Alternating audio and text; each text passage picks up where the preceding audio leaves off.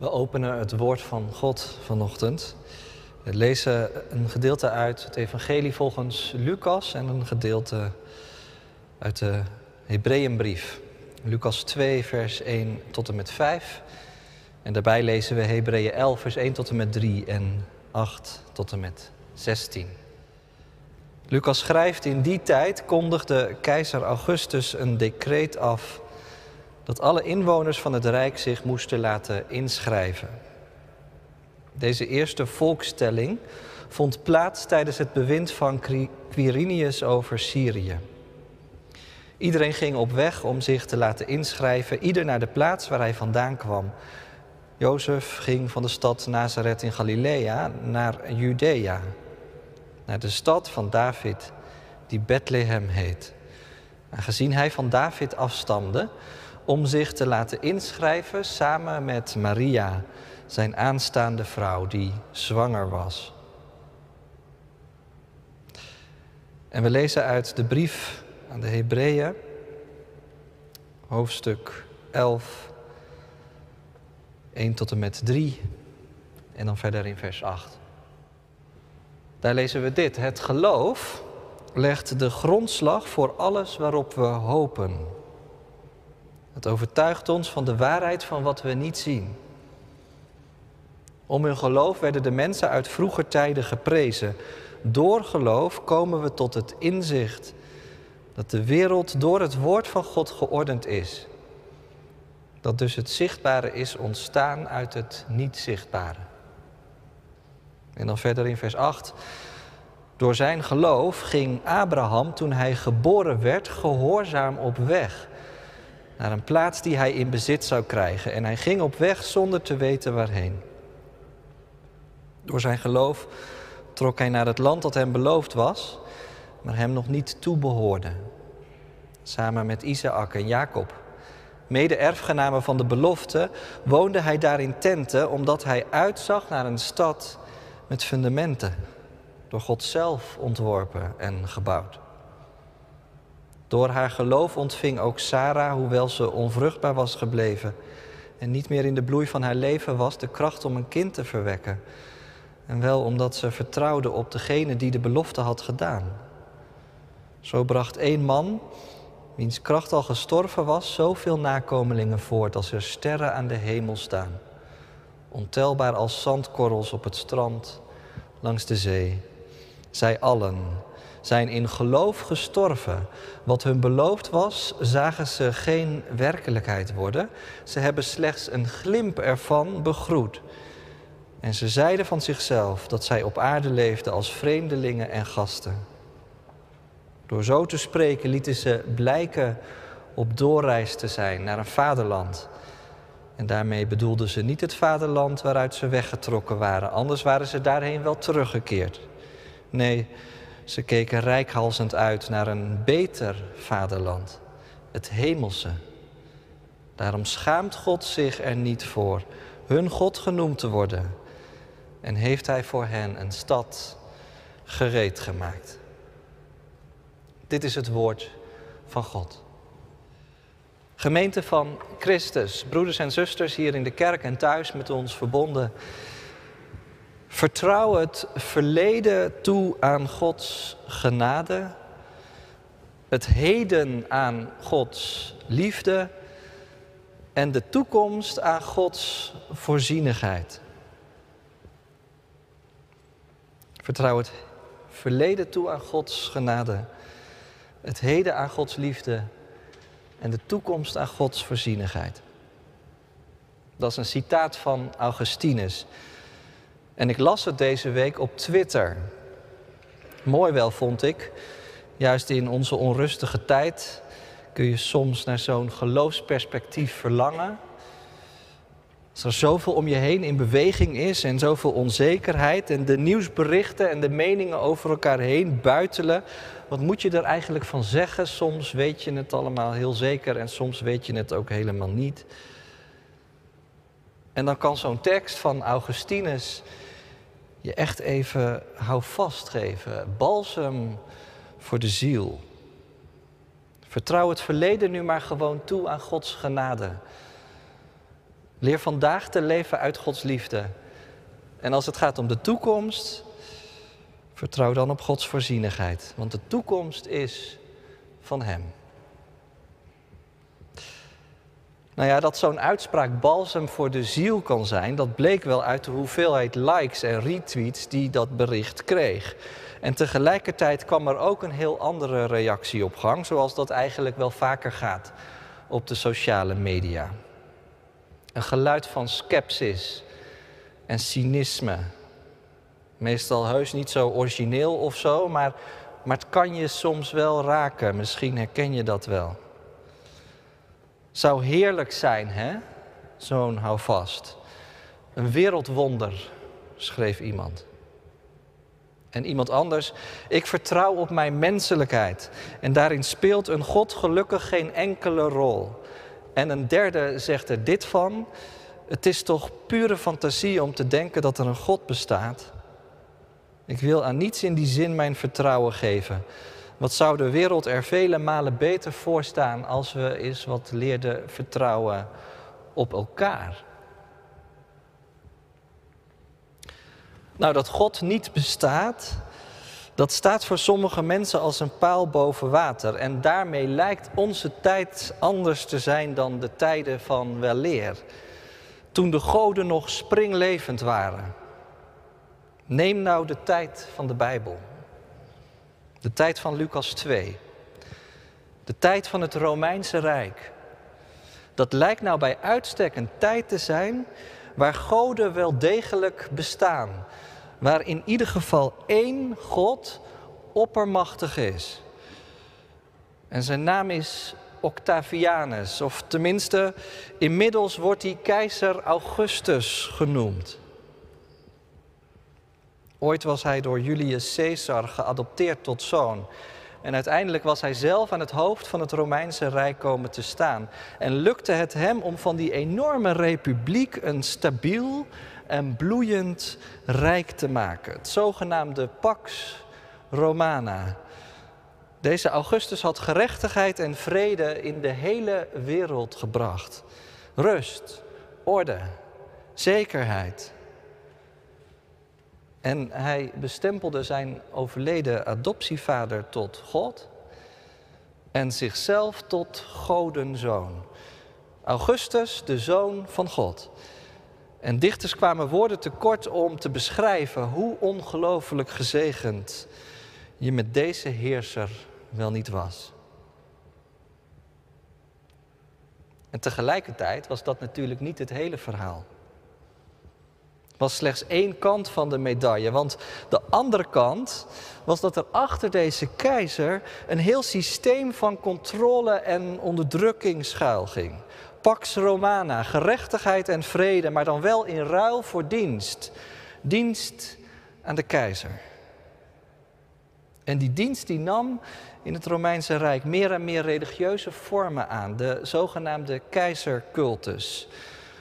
Waar je als onderdaan geacht werd om echt mee te doen, te knielen. Soms letterlijk, maar in ieder geval figuurlijk.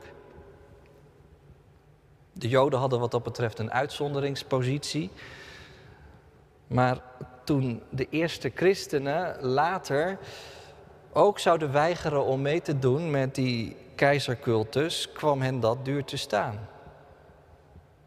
De eerste lezers van dit Lucas-evangelie leefden natuurlijk later. Toen was Augustus er niet meer, maar had je Caligula of Nero. Heersers die op een gruwelijke wijze hun macht uitoefenden. En die hadden met die christenen niets op. Als je niet boog, dan kon je breken.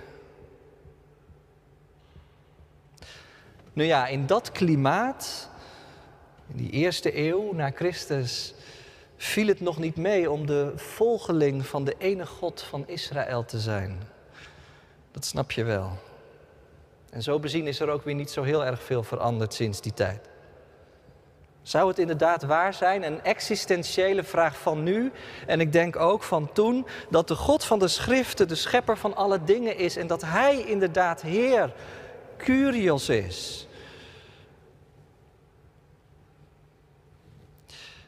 Nou ja, misschien komen dat soort vragen juist in een tijd als toen wel ook op scherp te staan. En misschien ook wel in een tijd als nu. Zoals dat altijd zo is, dat vragen over God op scherp komen te staan wanneer je ze ziet tegen de achtergrond van concurrerende goden. Waar de wereld, of je het nu leuk vindt of niet, vol mee is. Tegen de achtergrond misschien wel van allerlei systemen en ideologieën die voor zichzelf een goddelijke status weten te claimen. En die soms almachtig lijken te worden kun je natuurlijk op allerlei manieren invullen. Heel extreem voorbeeld, wat dacht je van Noord-Korea? Waar dictator Kim Jong-un zichzelf als een godheid laat vereren. De beelden die af en toe voorbij komen spreken boekdelen. Een massa mensen die op commando neerknielt voor deze ene mens. Ongelooflijk. Kunt je toch niet voorstellen dat daar ook nog christenen wonen die zeggen: daar ga ik niet in mee? die het aandurven om een andere Heer te beleiden. En als je misschien zegt dat Noord-Korea wel echt een ver van je bedshow is, dan zou ik je willen vragen om gewoon eens een keertje na te denken of je in die mensenmassa ook niet iets van onszelf herkent. Mensen zijn kuddedieren en ongeneeslijk religieus, las ik ergens. Als ze de ene God hebben afgezworen, dan is er binnen de kortste keren wel weer een andere God voor in de plaats. Iemand of iets die zomaar de hele massa in zijn greep kan hebben, die al je aandacht en gehoorzaamheid opeist. En tegelijkertijd, voor je het weet, zak je er ook zomaar weer doorheen. The other God that failed. Schreef de filosoof John Gray bijvoorbeeld over het einde van het neoliberalisme opnieuw een God die faalt. Goden. Nou ja, en ondertussen zien we in het gedeelte dat we lazen twee mensen die de macht van deze godenzoon Augustus aan den lijve ondervinden. Het zijn Jozef en Maria. En ze hebben gehoord dat de keizer een decreet heeft afgekondigd dat alle inwoners van het rijk zich moeten laten inschrijven. En dat iedereen op weg moet gaan om zich te laten inschrijven in de plaats waar die vandaan kwam. Of je er nu zin in had of niet. Als de keizer wil gaan tellen, dan zit er niets anders op dan te gehoorzamen. Zelfs als je hoogzwanger bent. Daar kunnen de autoriteiten natuurlijk geen rekening mee houden bij deze monsterklus. Want een monsterklus, dat is het natuurlijk gewoon. Volgens sommigen kwam zo'n telling ongeveer eens in de 14 jaar voor. En diende deze om jonge mannen te vinden voor het leger. Dat is één. En twee, om belastingopbrengst te kunnen maximaliseren. Je zou kunnen zeggen, een volkstelling gaat over spierballen en muntstukken. Dat is wat telt in het vrederijk van Augustus. Dat is wat er uiteindelijk werkelijk toe doet. En misschien is er ook wat dat betreft wel helemaal niet zoveel veranderd sindsdien. Ook niet in de manier, denk ik, waarop dat decreet vervolgens wordt ontvangen. Want ga er maar vanuit dat echt niet iedereen stond te springen om onderweg te gaan. Er waren er ook een paar die in opstand kwamen, een paar, niet veel. Maar volgens sommigen werd er in deze tijd in de regio Galilea wel de kiem gelegd voor bijvoorbeeld de secte van de Zeloten. De weg van de opstand, van de revolutie. Maar de meeste mensen lijken gewoon het decreet op te volgen. Net als Jozef en Maria. Want ze gaan op weg. Afgezien van de vraag of ze überhaupt wel in staat waren om het systeem in welke vorm dan ook te boycotten, ze leggen zich er maar gewoon bij neer, lijkt het onderweg gaan. zegt wel iets.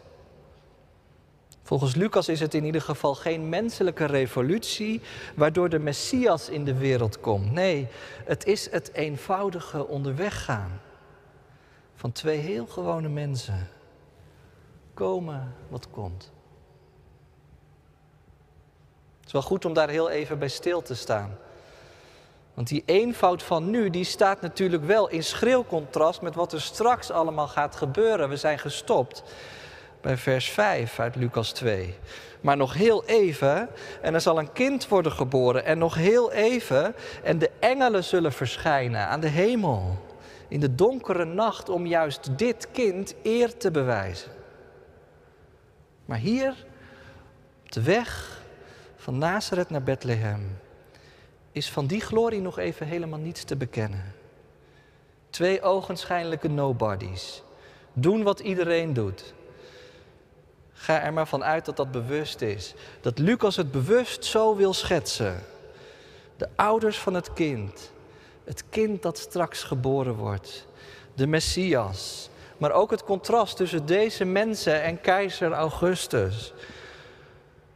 Zodat je ziet dat Gods trouw wordt uitgewerkt in hele gewone menselijke gebeurtenissen.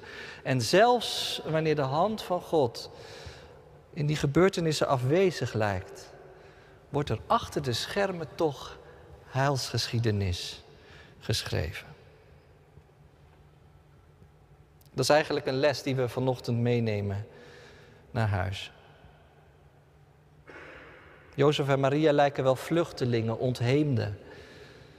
En tegelijkertijd is er iets bijzonders met hen aan de hand. Dat is hoe het begint met Advent. De eerste zondag van het kerkelijk jaar. En het begint met twee mensen die geroepen worden om onderweg te gaan. Ook hier vanochtend, de eerste zondag van het kerkelijk jaar. En, en dat begint met geroepen worden om onderweg te gaan. Ook wij.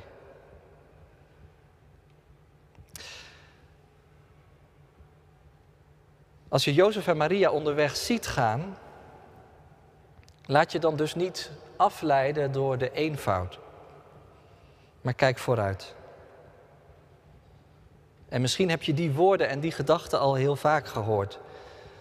Is het een hele bekende gedachte voor je geworden? En dat geldt zeker, denk ik, voor mensen die vaker in de kerk komen. Dat je niet af moet gaan op wat je ziet, maar dat je af moet gaan op, ja, op wat eigenlijk? Op dat God door de eenvoud en de gebrokenheid van dit leven heen werkt.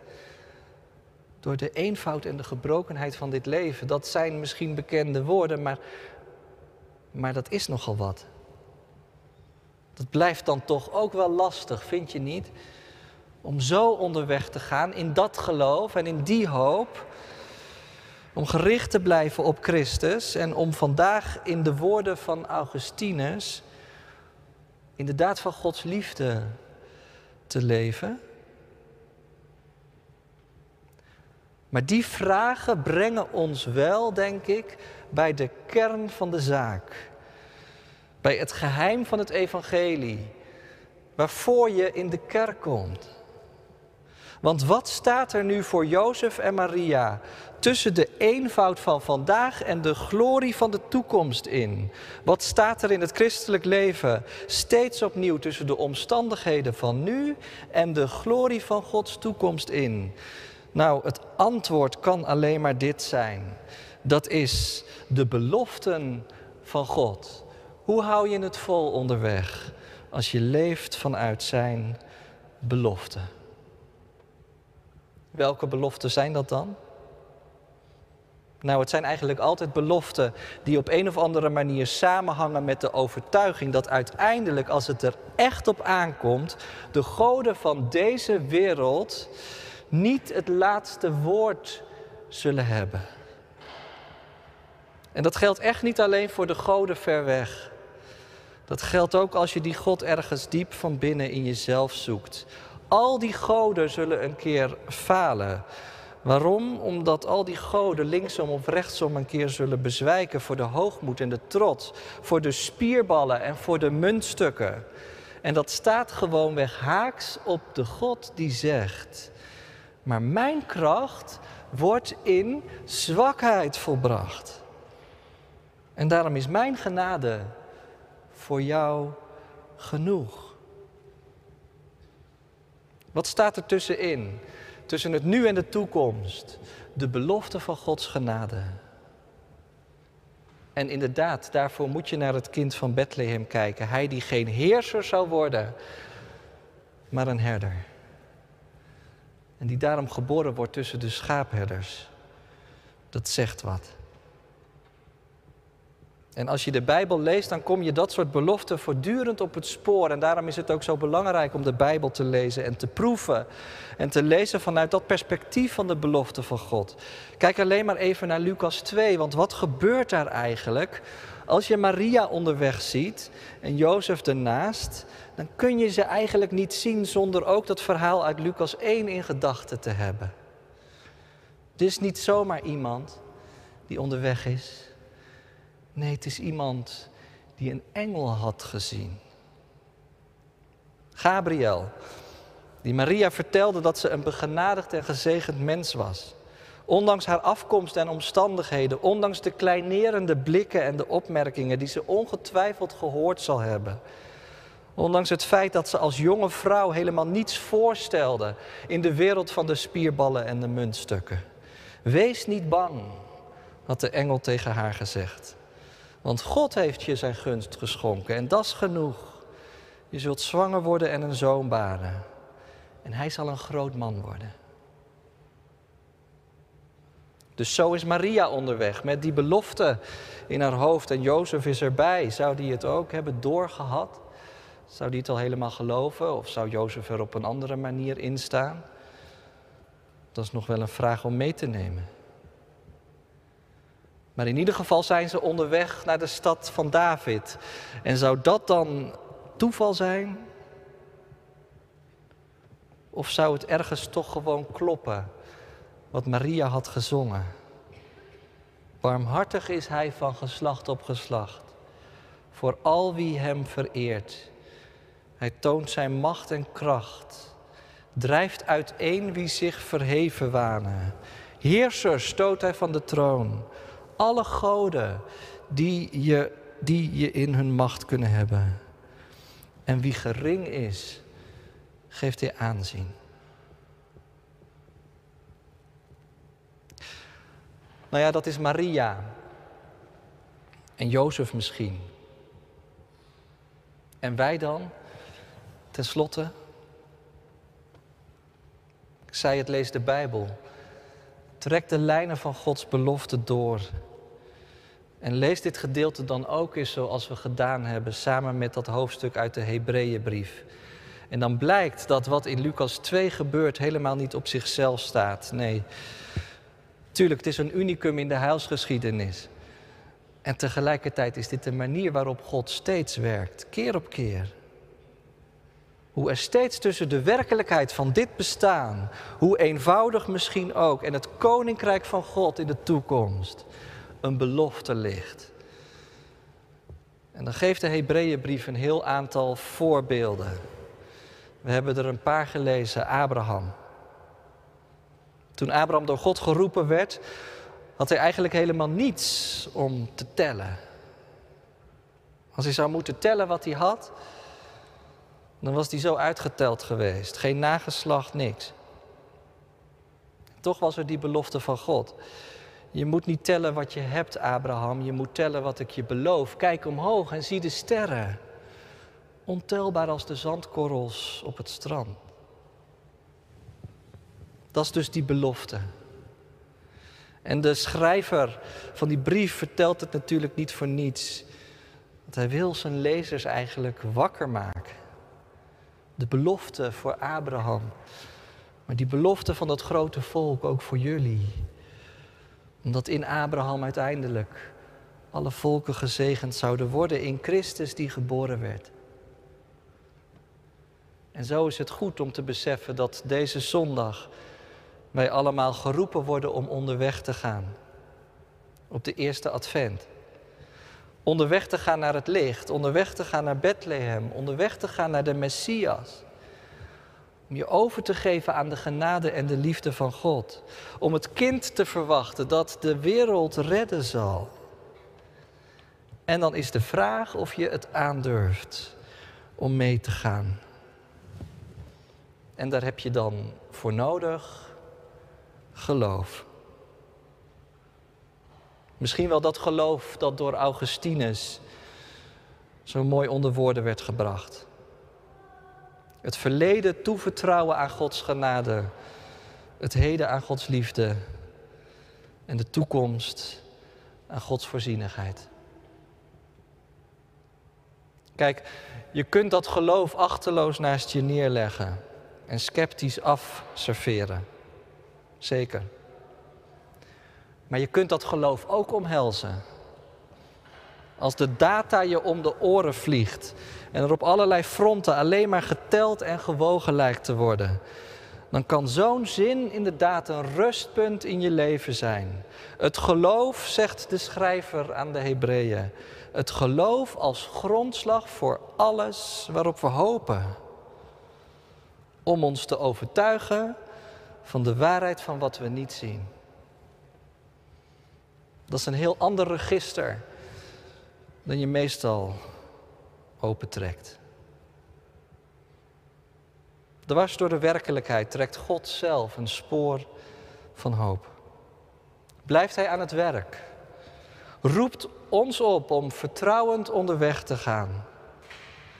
En geeft ons dan deze woorden van het kind van Bethlehem, helemaal aan het eind van het evangelie. Hou dit voor ogen als je onderweg gaat. Ik ben met jullie, alle dagen, tot aan de voltooiing van de wereld. Amen.